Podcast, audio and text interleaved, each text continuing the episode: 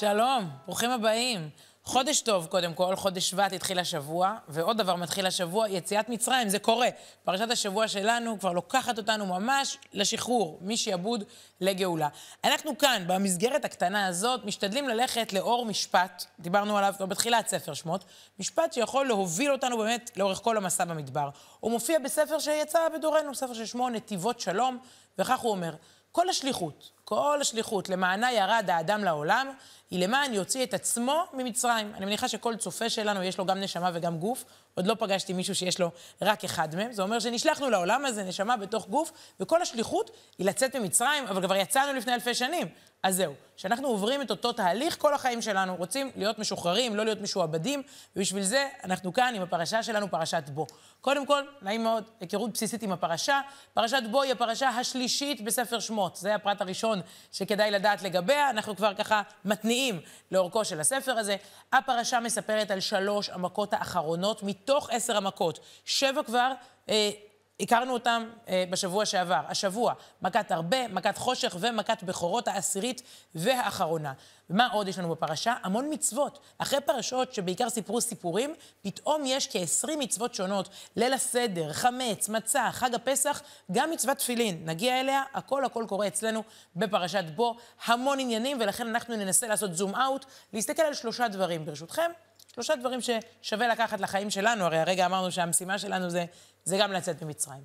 נתחיל עם הלב של פרעה. דווקא לא הלב של משה רבנו, לא הלב שלנו, דווקא הלב של הרשע הזה, יש הרבה מה ללמוד מהלב של פרעה, כי זה מין מנגנון כזה, אה, שבוא נגיד, מוכר גם לנו וגם בדורנו. הרי מה פרעה עושה? כל פעם רוצה לשחרר את העם ומתחרט. זוכרים את הסיפור? עוד מגן הילדים? משה ואהרון מגיעים ואומרים לו, שלח את עמי ותוציא את העם ממצרים. כן, כן, כן, ולא. ואז יש איזה מכה, דם, צפרדע, קינים, והוא רוצה, אבל הוא לא רוצה. והוא כל פעם לא ברור לאן הלב שלו הולך. על שולחן הניתוחים, אפשר להגיד, של הפרשה, הלב שלו. בואו נסתכל מה הפסוקים מתארים. ויאמר השם אל משה, בוא אל פרעה, כי אני הכבדתי את ליבו ואת לב עבדיו. אומר הקדוש ברוך הוא, אני הולך להתחיל להכביד את הלב שלו. בהתחלה יש לו בחירה חופשית. בהתחלה פרעה עדיין בוחר מה לעשות.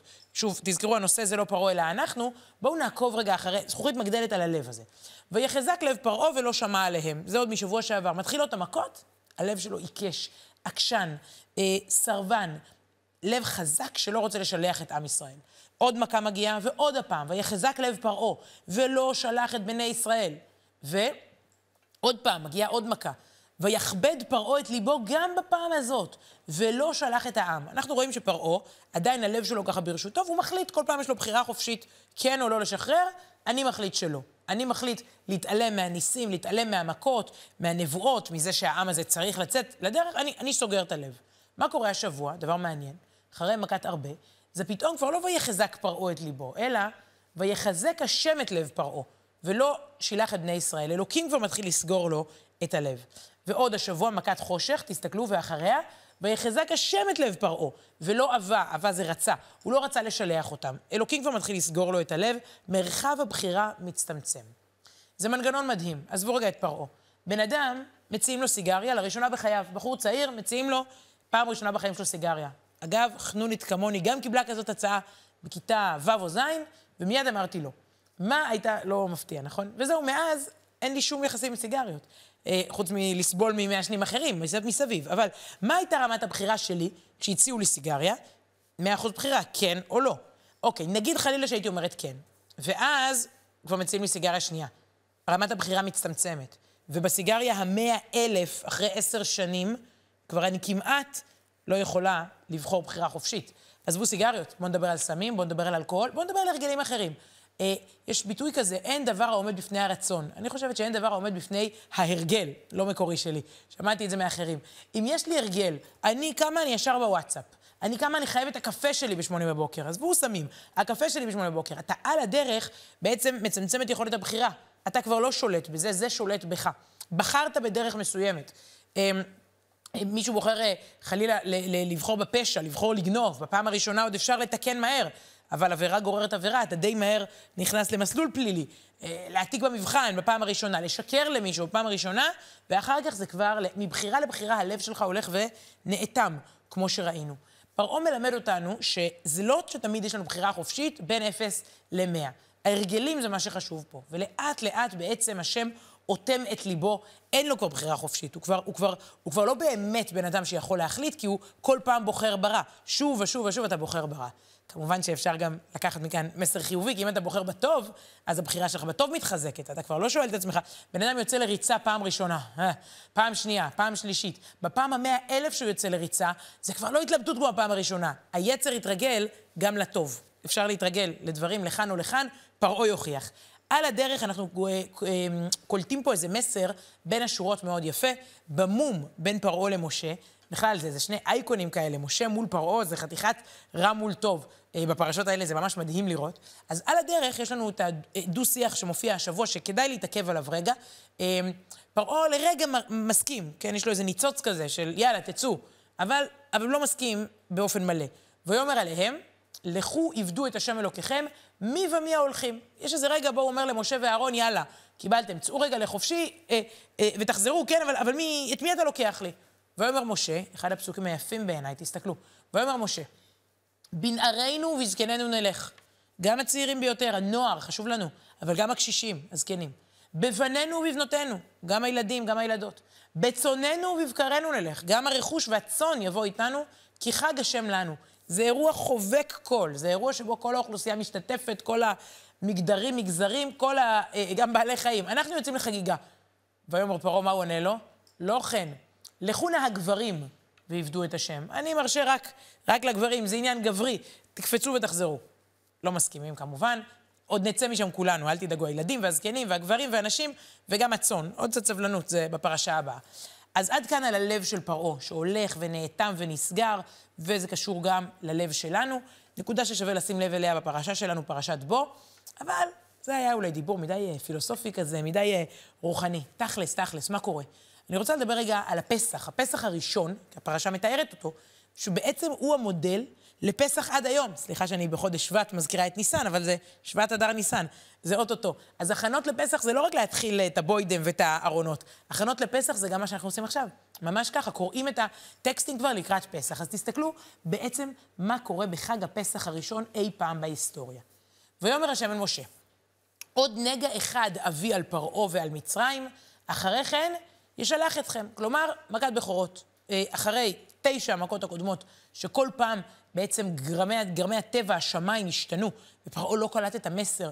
אגב, לא עשינו את זה כאן, אה, אבל אפשר להרחיב. כל מכה היא בעצם איזה מכה, תרתי משמע, היא מכה לעבודה זרה מסוימת במצרים. הדם והצפרדע, אה, בתפיסה האלילית שלהם, שעובדים את השמיים ואת הארץ, אז פתאום אלוקים מראה להם שהוא מנהל את העסק. הם היו מאוד מאוד משועבדים ליאור. העבודה הזרה שלהם היה יאור, הנילוס, פתאום עולים משם הצפרדעים ודם. המכות הן ממש סדנה. אה, מכה ועוד מכה לתפיסת העולם האלילית, הפרימיטיבית, המאוד מאוד בעייתית אה, של מצרים, והנה זה נגמר. מכה אחרונה, מכת בכורות. כל בכור במצרים מת, הולך לעולמו. זה קורה בחצי הלילה, בחצות הלילה. ויקרא למשה ולאהרון לילה, ויאמר, קומו צאו מתוך עמי, פרעה לא רוצה אותנו. גם אתם, גם בני ישראל, כל, כל העם הזה, משה, אהרון, כולכם. ולכו כבר, לכו עבדו את השם כדבריכם, עופו מפה. גם צונכם, גם בקריכם. זוכרים? לפני רגע הוא לא הרשה לקחת. קחו כאשר דיברתם ולכו. בקיצור, עופו מפה. וברכתם גם אותי. אני מתחיל להבין שיש פה איזה עסק רוחני, תתפללו גם עליי. כן, בטח שנתפלל עליך, פרעה, אחרי כל השיעבוד והגזרות, אבל זה קורה. כמה שנים חיכינו למשפט הזה? מאות שנים של שיעבוד במצרים. עוד דור ועוד דור של שיעבוד, של זריקת תינוקות ליאור, של עבודה קשה, של סבל לגברים, לנשים, לילדים. זה קורה. ההבטחה מספר בראשית מתממשת.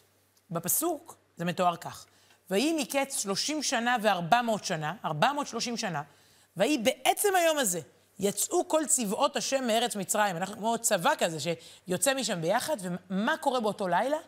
ליל שימורים הוא, ליל שימורים עד היום, ככה מכונה ליל הסדר. לא ישנים, לילה שמור, משומר. ליל שימורים הוא להשם להוציאה מארץ מצרים, הוא הלילה הזה להשם שימורים לכל בני ישראל, וזאת המילה אולי הכי חשובה, לדורותם. נעים מאוד.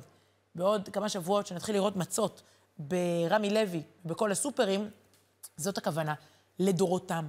כשנתחיל לשאול אחד את השני, איפה אתה בסדר, לדורותם. כלומר, זה ממש מרגש לזהות את ליל הסדר שלנו היום, שם בפרשה. בפעם הראשונה עם ישראל, זה הסיפ... אנחנו כל הזמן בעצם מנסים לשחזר, אבל זה הדבר האמיתי. בזמן אמת, שמסתכלים ימינה ושמאלה, אה, אנחנו, הם כותבים עוד פרק בהיסטוריה, ובזמן אמת אומרים לנו לדורותם, אתם עוד תחזרו ותספרו את הסיפורים האלה. והפסוקים ממשיכים, ממשיכים, מצוות הפסח. דברו אל כל עדת ישראל לאמור, ויקחו להם איש, שא לבית אבות, שא לבית. ואכלו את הבשר בלילה הזה, צלי, אש ומצות, על מרורים יאכלו, הנה הכל פה, הצלי, המרור, המצות. שבעת ימים מצות תאכלו. ויש פה ציווי מאוד מעניין. אנחנו בעידן, פה מתארים רגעים, רגעים של מהפכה. בעצם קורה פה משהו שמתפוצץ. אחרי מאות שנים של שעבוד, היינו מצפים מהפכה צרפתית, האביב הערבי.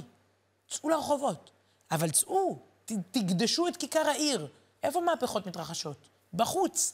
אז קדימה, בפומבי, בפרהסיה, שכל הגברים, הנשים, הטף, גם את הצאן, יאללה, לרחובות. הציווי שאנחנו מקבלים בזמן אמת הוא הפוך לגמרי, תסתכלו.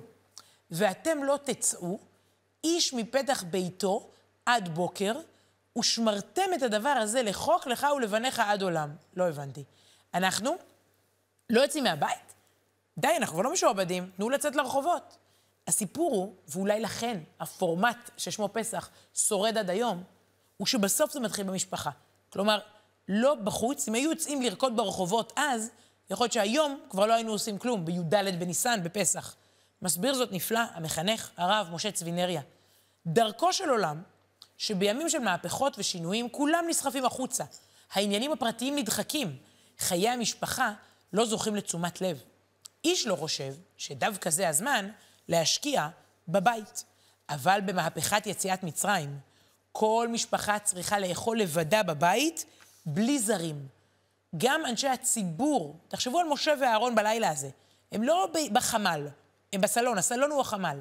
גם אנשי הציבור נדרשים לעזוב בשלב זה את ההמונים לטובת סעודה משפחתית ראשונה של שחרור ומלכותיות. אה, סעודה של חירות. דבר עם הילד שלך על זה, דבר עם אימא שלך. כדי שהאומה כולה תהיה יציבה, צריך קודם כל ליצור יציבות במרחב הפרטי. הרב נריה עולה פה על נקודה, התורה בעצמה, הוא רק כותב מה, מה התורה אומרת, לא לצאת מהבית. כלומר, כדי שפורמט, סליחה על המילה פורמט, כן? כדי שהמהפכה של יציאה מעבדות לחירות אה, תיקום עור וגידים, משה לא יכול לעמוד ברחובות עכשיו, משה רבנו, ולענות לשאלות של הציבור. אה, אי אפשר עכשיו שכל שבט אה, גד יצא החוצה. זה, זה לא קשור.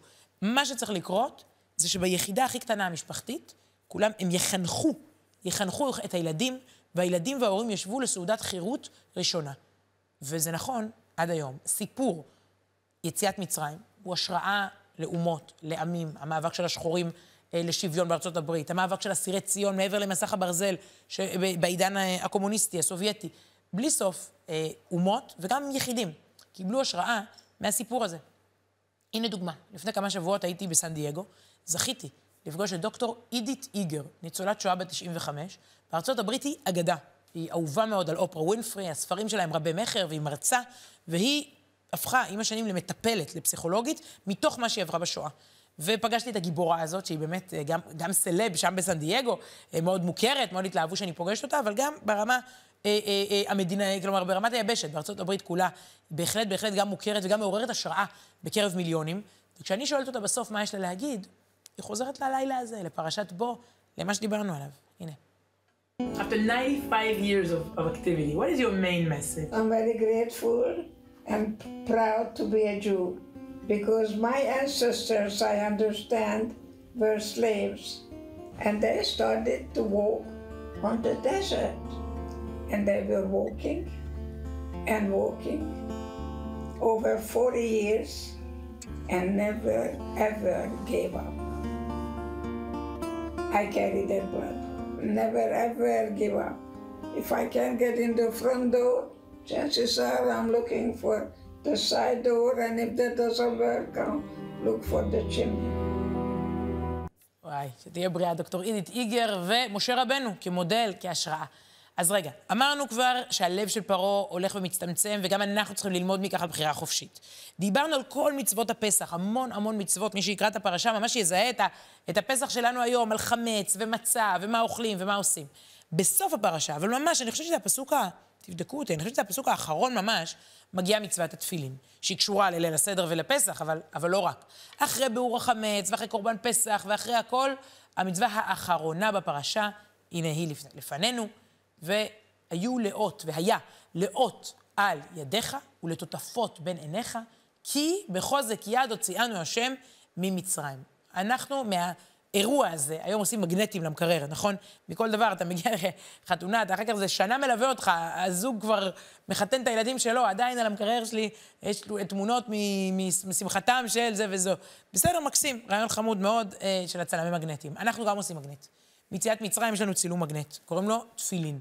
אה, רש"י אומר, מסתכל על הפסוק הזה, וכותב, מה זה, רוצ... מה זה כתבתם לאות על ידיך וכולי? רוצה לומר שתכתוב את הפרשיות האלה. שוב, כמו שזה פסח ראשון, זה גם פעם ראשונה של תפילין. לא היה להם דוכן של חב"ד של תפילין להסתכל ולראות. הם, הם הראשונים. הם מקבלים ציווי, פעם ראשונה. אז אומר רש"י, תיקח את הדברים האלה ותקשור אותם בראש ובזרוע. כי מי שרואה אותם קשורים בין העיניים, יזכור את הנס וידבר בו. זאת הכוונה לצילום מגנט. אנחנו לוקחים את זה איתנו. עכשיו, היום זה כבר כל כך ברור, כל כך uh, obvious. אף אחד uh, לא יגיד, וואי, תפילין, איזה רעיון מדהים. לוקחים את מציאת מצרים וכותבים אותה על היד והראש. היום זה כאילו ברור לנו, זה מפורסם קצת. אבל אנחנו מדברים עכשיו על ההשקה, אוקיי? אנחנו לוקחים את החוויה, והחוויה היא בעיצומה. אנחנו עוד לא חצינו את ים סוף, עוד לא יצאנו ממצרים, עוד לא קיבלנו תורה, אבל כבר אומר לנו אלוקים, תעשו תזכורת. קדימה, תעשו um, הקפאה של הרגע. תעשו לו פריז ותיקחו אותו איתכם, גם על היד וגם על הראש. תנצרו את הרגעים, תנציחו, ותדביקו את זה לא למקרר, אלא ללב ולראש. איפה באמת? לא סתם זה לא על המקרר, אלא על היד, כל המעשים שאנחנו עושים בעולם המעשה, ועל הראש, כנגד כל המחשבות שלנו. כלומר, בעשייה ובחשיבה, קחו את החוויה הזאת איתכם, קדימה. הרב קוק, הרב אברהם יצחק הכהן קוק, כותב, יש לו סידור תפילה, הוא מסביר את המצוות ואת התפילה. והוא כותב בסידור, אה, כך נכתב בסידור ככה, על פי כתבי הרב קוק, אה, משפט מאוד יפה על מצוות התפילין. בעצם. אה, שוב, יכול להיות שהרבה אנשים זה כל כך אוטומטי להם תפילין, זה לא מחובר לוואו, לדרמה של יציאת מצרים. אבל אצל הרב קוק זה כן מחובר. תראו מה הוא כותב. באמת, עצם פעולת יציאת מצרים היא פעולה שאינה נפסקת כלל. כל היסוד של יציאת מצרים הוא להילחם בטבע הגס של החיים. וואי, זה חתיכת משפט. כל היסוד של יציאת מצרים, כל מה שאנחנו מתארים פה עכשיו, כל שנה קוראים את זה, זה להילחם בגסות, בטבע הגס של החיים. ואיך? איך זה על ידי תפילין? הוא כותב שם שצריך לחקוק את זה לתוך החיים, לחקוק את הנפלאות ולהכניס את האור של יציאת מצרים לתוך היום-יום שלנו, לתוך השגרה. הוא אומר, בעצם כל פעם שאדם מניח תפילין, הוא ממשיך עליו את יציאת מצרים. אנחנו לא יוצאים רק מעבדות מפרעה. כן, אה, מעבדות לחירות אה, פוליטית, אה, חירות מדינית. יש פה שיעבוד רוחני. כל יום אנחנו נלחמים בה. איך הוא הגדיר את זה? הגסות הטבעית של, הטבע הגס של החיים. נלחמים על העדינות, על דרך ארץ, על ערכים. בעצם זה מוטל עלינו גם עכשיו, כן? לצאת, לצאת ממצרים. ותפילין בעצם, זה כמו עוד הרבה מעשים, מעשים מצוות שהן מעשיות, אומר הרב קוק, אם כל בוקר, כל בוקר, דיברנו על זה, על פרעה שכל זמן עושה דברים רעים, אבל אם כל בוקר אתה עושה עוד מעשה טוב ועוד מעשה טוב, זה הניסיון לנצח את הטבע הגס של החיים כפי שהוא אה, הגדיר את זה, ובעצם זה מלווה אה, אותנו, הרעיון, אה, שוב, אני אומרת את המילה פורמט, מלווה אותנו אה, אלפי שנים. אה, זה אחד הסודות אולי, כדי לקחת את יציאת מצרים אה, אה, איתנו, אה, במובן מסוים, אה, קדימה. אה, נדמה לי לאורך השנים שהסמל הזה של, של אה, תפילין, של דוכני תפילין, אה, לא רק לתנועת חב"ד. אה, אמר לי פעם מישהו, אה, רוב האנשים, יש להם תפילין משלהם, מי שאין, מניח בדוכן, אבל זה באמת נהיה היום משהו שהוא מקובל לא רק בכל מקום בישראל, אלא גם בעולם היהודי. יצא להסתובב במנהטן ובלונדון, לראות דוכני תפילין. נזכרתי, ככה השבוע עם הפרשה הזאת, בקורונה, ובשליח אחד יקר, שמולי בראון, מבריטניה, שפרמט דרך, גם בקורונה, אפילו בקורונה, להגיע עם התפילין לאנשים. תראו. התמונה הזו הפכה ויראלית, רבים חשבו שזו מתיחה, אבל הרב בראון בשיא הרצינות עוזר כך לאנשים להניח תפילין. הקמנו פה דוכן, אנשים מגיעים, אני עומד מאחורה ואני מושיט את הידיים שלי ואני מניח תפילין עם כולם. אין קץ ליצירתיות, לרצון לגעת בלבבות למרות שאסור לגעת. אז אין קץ ליצירתיות באמת, וברוך השם אפשר כבר uh, לחזור לתפילין uh, וגם לבני האדם uh, ביותר קרבה. אני רוצה לסכם אבל אז, לעלות רגע קומה מתוך הפרשה שלנו. דיברנו על שלושה נושאים, שלוש נקודות, הלב של פרעה, הבחירה החופשית שלו ושלנו, תזכרו, כל בחירה לוקחת אתכם לאיזשהו כיוון. דיברנו על ליל הסדר, ליל הסדר הראשון אז במדבר, וליל הסדר לנצח, כתפיסת עולם שתלווה את כל החיים שלנו, ואו-טו-טו כבר ניסן. ודיברנו על מצוות תפילין בתור ניסיון לנצור את הרגע, לקחת איזשהו וואו ולהכניס אותו לתוך קוביות שהולכות איתנו אה, יום-יום. אבל ממש לפני אה, אה, כמה שבועות נחשף בעצם עד כמה הסיפור הזה, שעליו אנחנו אה, מדברים, עד כמה הוא נמשך. הרי אה, אמרתי לכם קודם לשים לב למילה לדורותם. אז אה, לא מזמן התגלו בלודג' הממצאים האלה. יותר מ-400, יותר מ-400 פריטים יהודיים עתיקים. פועלי בניין בעיר אה, לודג' שבפולין חפרו, עשו שיפוצים ומצאו מטר וחצי מתחת לאדמה את האוצר שאתם רואים פה, וזה רק חלק ממה שנחשף. יותר מ-400 פריטים עטופים בעיתונים מאותה תקופה, 1939. אלה הם אנשים שבשואה נמלטו וחשבו שהם יוכלו לחזור, לקחת את הרכוש שלהם. הם לא חזרו, כי בלודג' היו לפני השואה כרבע מיליון יהודים. ואחרי השואה רק כמה אלפים. זו אחת הערים שהקהילה היהודית בה הושמדה. שליש מאנשי לודג' היו יהודים לפני השואה, וכמובן שאנשים לא חזרו לקחת את החפצים האלה, כי הם פשוט לא חזרו. ופתאום אנחנו מקבלים דרישת שלום מתחת לאדמה לסיפור הזה, כן? אותו סיפור שמתחיל בפרשה. השבוע. אז מחפשים מבחינה משפטית מי היורשים, אולי, לך תדע, למישהו יש איזה נין שעכשיו יקבל איזה גביע של קידוש, או איזה ערכה של הבדלה, או הרבה מאוד חפצים של ליל הסדר, או כוסות קטנות כאלה של ילדים לקידוש, או נרות שבת להדליק, או חנוכיה. אבל כל הפריטים האלה, ראיתי איזה מומחה מתראיין ואומר, מי היורשים, מי היורשים? אני חושבת שכולנו היורשים. גם אם אנחנו לא ביולוגית בדיוק הצאצאים שלהם, יש פה איזה מסר, אני חושבת, שיוצא מתחת לאדמה ואומר לנו שהסיפור הזה הוא באמת באמת סיפור נצחי שהולך ונמשך. עד כאן פרשת בו. אני עושה כאן פרומו לשבוע הבא, כי זה קורה. ים סוף נבקע, אל תפספסו, תהיו איתנו. שבת שלום, להתראות.